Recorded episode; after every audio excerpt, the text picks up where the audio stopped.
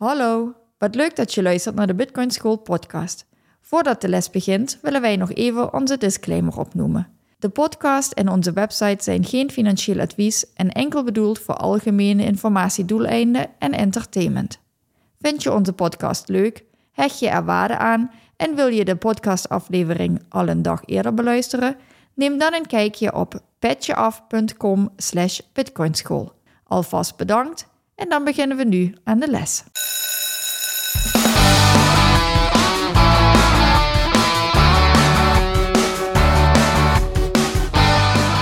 Welkom bij de Bitcoin School podcast. In deze podcast willen we jullie de wereld van Bitcoin dichterbij brengen. Dit doen we door Bitcoin op een eenvoudige manier vanuit de basis uit te leggen. In deze aflevering gaat het over reacties en vragen uit de community. Mensen die deze podcast vaker beluisteren en die onze podcast vaker gehoord hebben, die weten dat wij één ding heel belangrijk vinden. En dat is het community building rondom Bitcoin. Daarom zijn we ook met 21 gestart. Zijn we verder aan het bekendmaken en ervoor zorgen dat er een georganiseerde community komt. En dan vinden we het ook altijd leuk om reacties van mensen te krijgen, wat ze van de podcast vinden, of ze er wat van geleerd hebben of niet. En soms bevatten die reacties bevatten af en toe ook wel eens een keer uh, wat vragen. En we hebben in de afgelopen tijd hebben we er een paar gehad. We hebben er ook een paar maanden geleden al wat gehad. En ik dacht dat het leuk was om een bonusaflevering te maken, ja, die vragen te beantwoorden en die reacties even voor te lezen. Ja, allereerst ook dank inderdaad als jullie een berichtje hebben gestuurd. Dat is uh, voor mij in ieder geval een enorme drijfveer om dan ook door te gaan. Ik merk dat ik juist die interactie ook heel belangrijk vind. En nou ja, zoals al eerder ook een keer genoemd, wij hebben hier sowieso de gesprekken thuis over Bitcoin. Maar Mhm. dit bevestigt dan ook waarom we ze ja, opnemen. En dat het leuk is dat er ook echt mensen naar luisteren. En dat die mensen echt zijn. Ja, nee, nee, het- je hebt helemaal gelijk. Weet je wat het is? Wat wij doen is, wij hebben het gesprek hier en dat nemen we op. En het beluisteren van een podcast is toch iets van consumeren. Het tot je nemen van bepaalde informatie. En een hoop mensen zullen dan doorgaan met hun dag nadat ze onze podcast beluisterd hebben. En op het moment dat wij dan een reactie krijgen van iemand, is dat gewoon voor mij in ieder geval een extra drijfveer om te zeggen, yes, weet je, ik heb iemand op de een of andere manier een klein beetje geholpen met een inzicht of met wat technische kennis. En dat vind ik gewoon ontzettend leuk om te horen hoeveel impact we maken. Ja, dat de tijd en energie die we erin steken gewaardeerd wordt. Mhm. Maar ik vind het ook heel tof dat andere mensen dus de tijd nemen om naar ons te luisteren. Jazeker. Ja. Dus daarvoor bedankt. Ja, en dan eh, gaan we nu eens kijken naar de vragen en of we die kunnen beantwoorden. ja.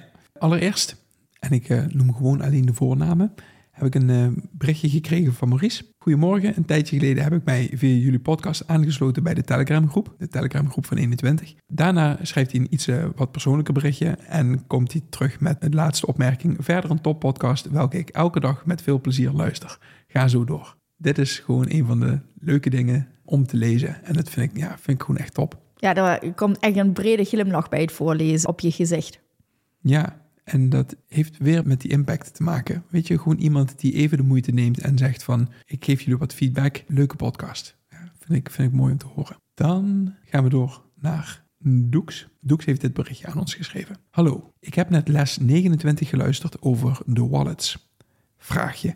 Ik heb 24 woorden gekregen van een hardware wallet.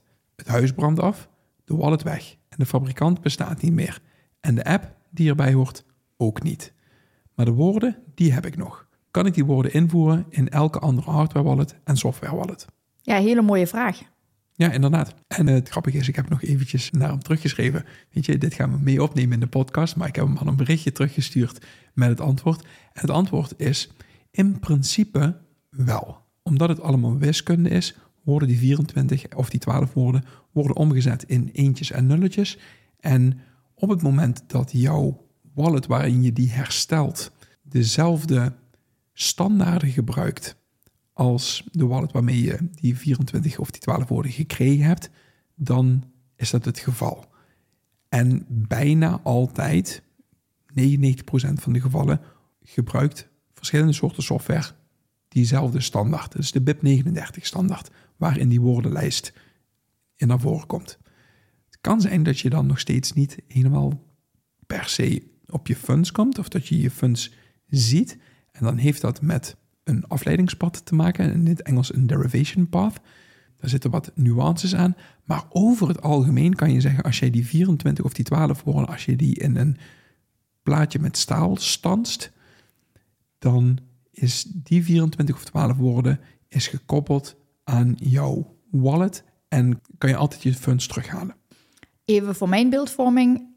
Eigenlijk zijn toch die 12 of 24 woorden eigenlijk een soort van wallet, of wij hebben het toen het spaarvakentje genoemd. Mhm. En eigenlijk is dan het hardware of de software wallet die je gebruikt, eigenlijk meer het soort. ah, ik zoek even naar een goede analogie, maar eigenlijk meer het sleuteltje of het knopje waarmee je het activeert ook niet, maar waarmee je dan de uitvoering doet, waarmee je iets kan versturen, waarmee je daar operationeel mee wordt. Maar eigenlijk zijn de woorden het belangrijkste, toch? De woorden zijn sowieso het belangrijkste. Je kan alleen maar zeggen dat Bitcoin van jou is op het moment dat jij daarvan de private keys hebt. Want dat jij degene bent die die kan versturen. Dat versturen kan alleen maar door een handtekening te zetten, of eigenlijk door een handtekening te zetten onder een transactie. En dat kan alleen met de private key. En die private key is gekoppeld aan die 24 woorden. En dan maakt het even niet uit in welke hardware wallet of software wallet je die 24 woorden terug invoert. De standaarden zijn meestal, voor een heel groot gedeelte zijn ze zo, dat je dan de juiste handtekening kan zetten onder de transactie. En dat is het belangrijkste. Ja, bij de meeste krijg je ook de vraag, zowel eh, software als ook hardware wallet, van als je die opstart, wil je een wallet restoren, dus opnieuw openen, of wil je een hele nieuwe aanmaken en dan genereert die nieuwe woorden voor je. Exact. Ja, dus dat is eh, verder geen probleem. Ja, en het belangrijkste is, het is dus een open standaard die gebruikt wordt. En ja, als jij een plaatje hebt met van staal waarin jij die woorden gestanst hebt en het huis fikt af en je hebt dat plaatje nog, dan heb je gewoon nog beschikking tot jouw wallet. Leuke vraag. De volgende die we op onze lijstje hadden is eh, van Martijn. Ik lees niet alles uit het berichtje voor, maar de grote lijnen. Goedemiddag, ik zit nu dik een jaar echt in de Bitcoin-wolken en kwam pas deze week achter jullie zalige fijne podcast. Complimenten, uitroepteken. En als ik jouw gezicht dan zie, oh, dat is dan eh, mooi om te zien. Hij vertelt iets persoonlijks over zichzelf. En dan stelt hij de vraag, kennen jullie de Alles voor Bitcoin podcast van Kim de Vos? Is echt wel leuk ook. Je moet zeker het beginnetje eens luisteren. Nou, dat gaan we doen. En wij kennen de Alles voor Bitcoin podcast, maar ik heb hem nooit echt met aandacht ernaar geluisterd. Dus dat is iets wat ik zeker nog ga doen. En ik juich iedereen toe die content maakt voor Bitcoin. Ja, ik ook. En dan hebben we een hele tijd geleden van Marjolein via Instagram een berichtje gekregen. Ik heb ooit begrepen dat 80% van de Bitcoin in handen is van een paar mensen. Klopt dat? En we hebben even doorgevraagd en dan komt ze op een artikel van tweakers.net van meer dan 10 jaar geleden. En dan gaan er bij mij een paar, ik zeg niet alarmbelletjes, maar dan gaan er bij mij een paar belletjes gaan rinkelen. Allereerst is het een artikel van 10 jaar geleden. Dus het artikel waar naar verwezen wordt, representeert een visie zoals dat 10 jaar geleden zou kunnen zijn, waarvan je ook niet 100% zeker weet of dat het geval is. Maar als we gaan kijken naar de verdeling van Bitcoin, dan is dat inderdaad dat dat een aantal jaar geleden een stuk minder goed verdeeld was dan nu. Nou ja, het is ooit begonnen met één persoon. Toen kwam er een persoon bij, dus toen waren die twee het netwerk. De twee enige bitcoiners. En zo groeit dat natuurlijk steeds verder door. Dus dat je inderdaad helemaal in het begin dat in handen was van een aantal weinigen, is eigenlijk wel logisch. En toen waren de subsidies ook nog veel groter. Ja, het grappige is, het is inderdaad met één persoon begonnen, met Satoshi Nakamoto. Maar het blok wat hij gemined heeft, de 50 bitcoin die hij daarin kreeg, kan hij niet uitgeven. En dat is wel apart. Hij heeft dus echt gewacht totdat het een decentraal netwerk was waarbij een tweede persoon bij kwam die ging minen. Dat was Helfini. En alle andere bloks, daar kan de subsidie wel van uitgegeven worden. Maar van het Genesis-blok is dat niet mogelijk. Dus hij heeft zichzelf niet eens iets toegeëigend bij het begin van de blockchain. En het grappige is, dit heeft er inderdaad mee te maken met een soort van risk-reward. Hoeveel risico steek je ergens in en wat is hetgeen wat je eruit krijgt? En inderdaad, mensen die eerder bij Bitcoin waren, hebben grotere risico's genomen. Je moet door een hoop bull markets en bear markets gaan om en diamond hands hebben, diamanten handen hebben, niet verkopen om je bitcoin die je ooit een keer gemined hebt nog steeds in handen te hebben. Daar moet best wel wat geestelijke, mentale kracht voor nodig zijn. Want je zou ze ook kunnen uitcashen. En, nou ja, en als je ze verkoopt, worden ze juist weer gespreid. Inderdaad, dan verdeelt zich dat weer automatisch over de rest van de mensen in het netwerk. Want je koopt ze dan van Jan, Piet en Klaas. En Alice en Bob. Ja, dus het zal zeker in het begin zo geweest zijn, want dat is hoe het ooit ontstaan is natuurlijk. Hè? Dat Mhm. netwerk moet groeien. Maar ja, inderdaad, vooral als je dit soort artikelen vindt, kijk altijd even naar de datum, de context. Wat voor uitgever is het? Hoe staat die wellicht ten opzichte van Bitcoin? Wat heeft hij verder voor artikelen uitgebracht? Dus check even ook de background van hè, degene die het artikel heeft geschreven. Dat hebben we ook al meegemaakt, dat er iets heel negatiefs werd geschreven. En als je dan verder gaat kijken, blijkt dat dus ook iemand te zijn die zijn eigen coins wil verkopen of iets dergelijks. En dan Bitcoin bewust in een slecht licht wil zetten. Ja, of dat bijvoorbeeld Greenpeace een campagne start. En dat blijkt dan gefinancierd te worden door iemand van Ripple bijvoorbeeld. Ja, Ja, dus vandaar geloof niet alles wat je leest. Eh? Don't trust, verify. Kijk even naar de context. Kijk hoe oud is het artikel. Klopt dat nog steeds met hoe het dan nu zit? Ja. En als je on-chain gaat kijken, dus we hebben de vorige aflevering hebben we het gehad over de mempool. Nou, en daar kan je on-chain kan je dus ook kijken welke transacties zijn er en hoeveel staat er op bepaalde adressen.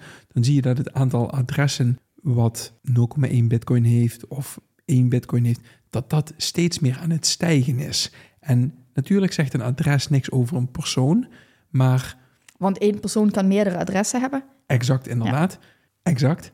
Maar het is wel goed om te zien dat er in ieder geval een grotere verdeling is. En dat het steeds verder verdeeld wordt over meerdere adressen.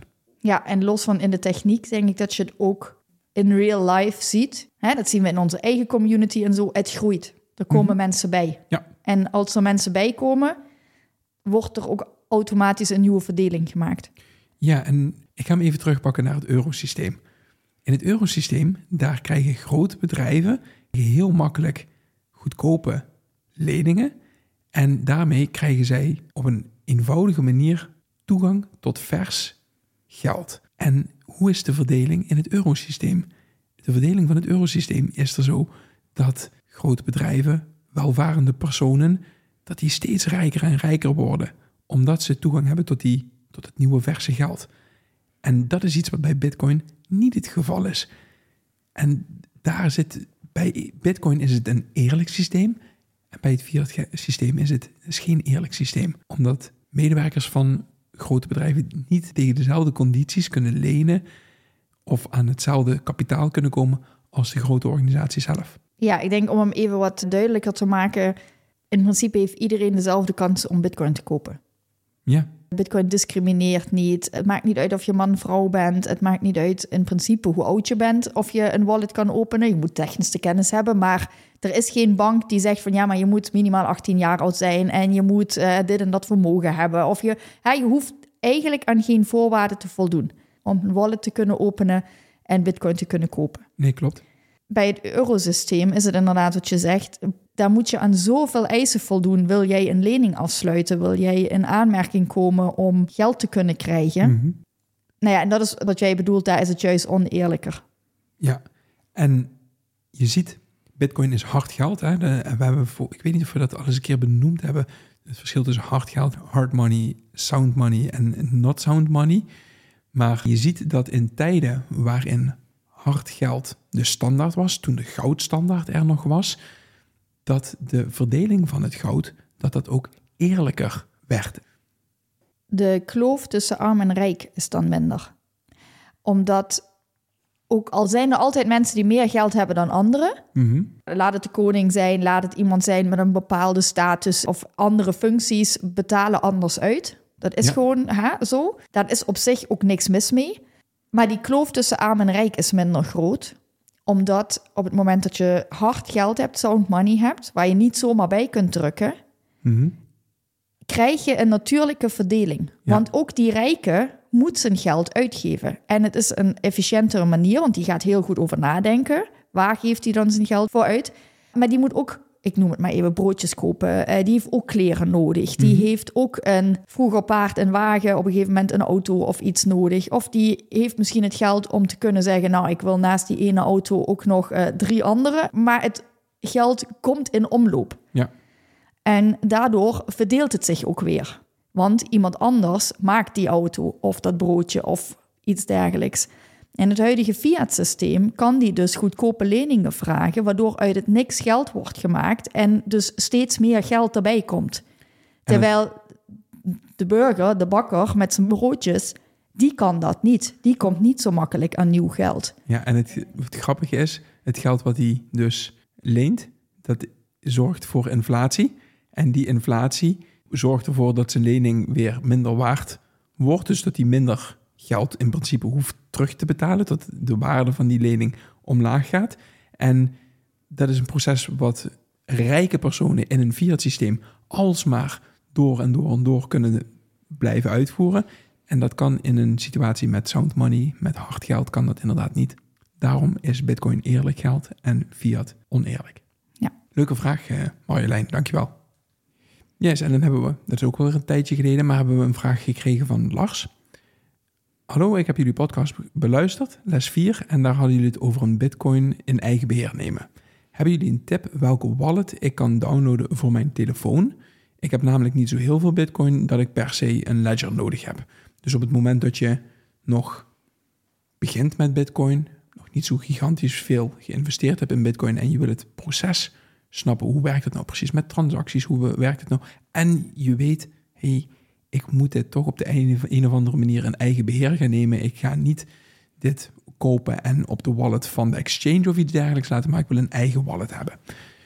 Wat wij daarvoor zouden kunnen aanraden. Er komt bij mij komen er twee dingen in mijn hoofd. Punt 1 is Relay. En dat is een dienstverlener waarbij je direct Bitcoin kan kopen met Light KYC, dus alleen met je bankgegevens. Je hoeft daar niet per se een contactgegevens of iets dergelijks op te geven. Maar het grappige is, als je bij Relay koopt, dan wordt het direct overgemaakt naar je eigen wallet, naar je eigen 12 of 24 woorden. Dat is een hele goeie. Dus meteen een combinatie uit beurs kopen en meteen opslaan in je eigen wallet. Dus het heeft een wallet en een koopfunctie. Exact. En dat is wel het mooie aan Relay.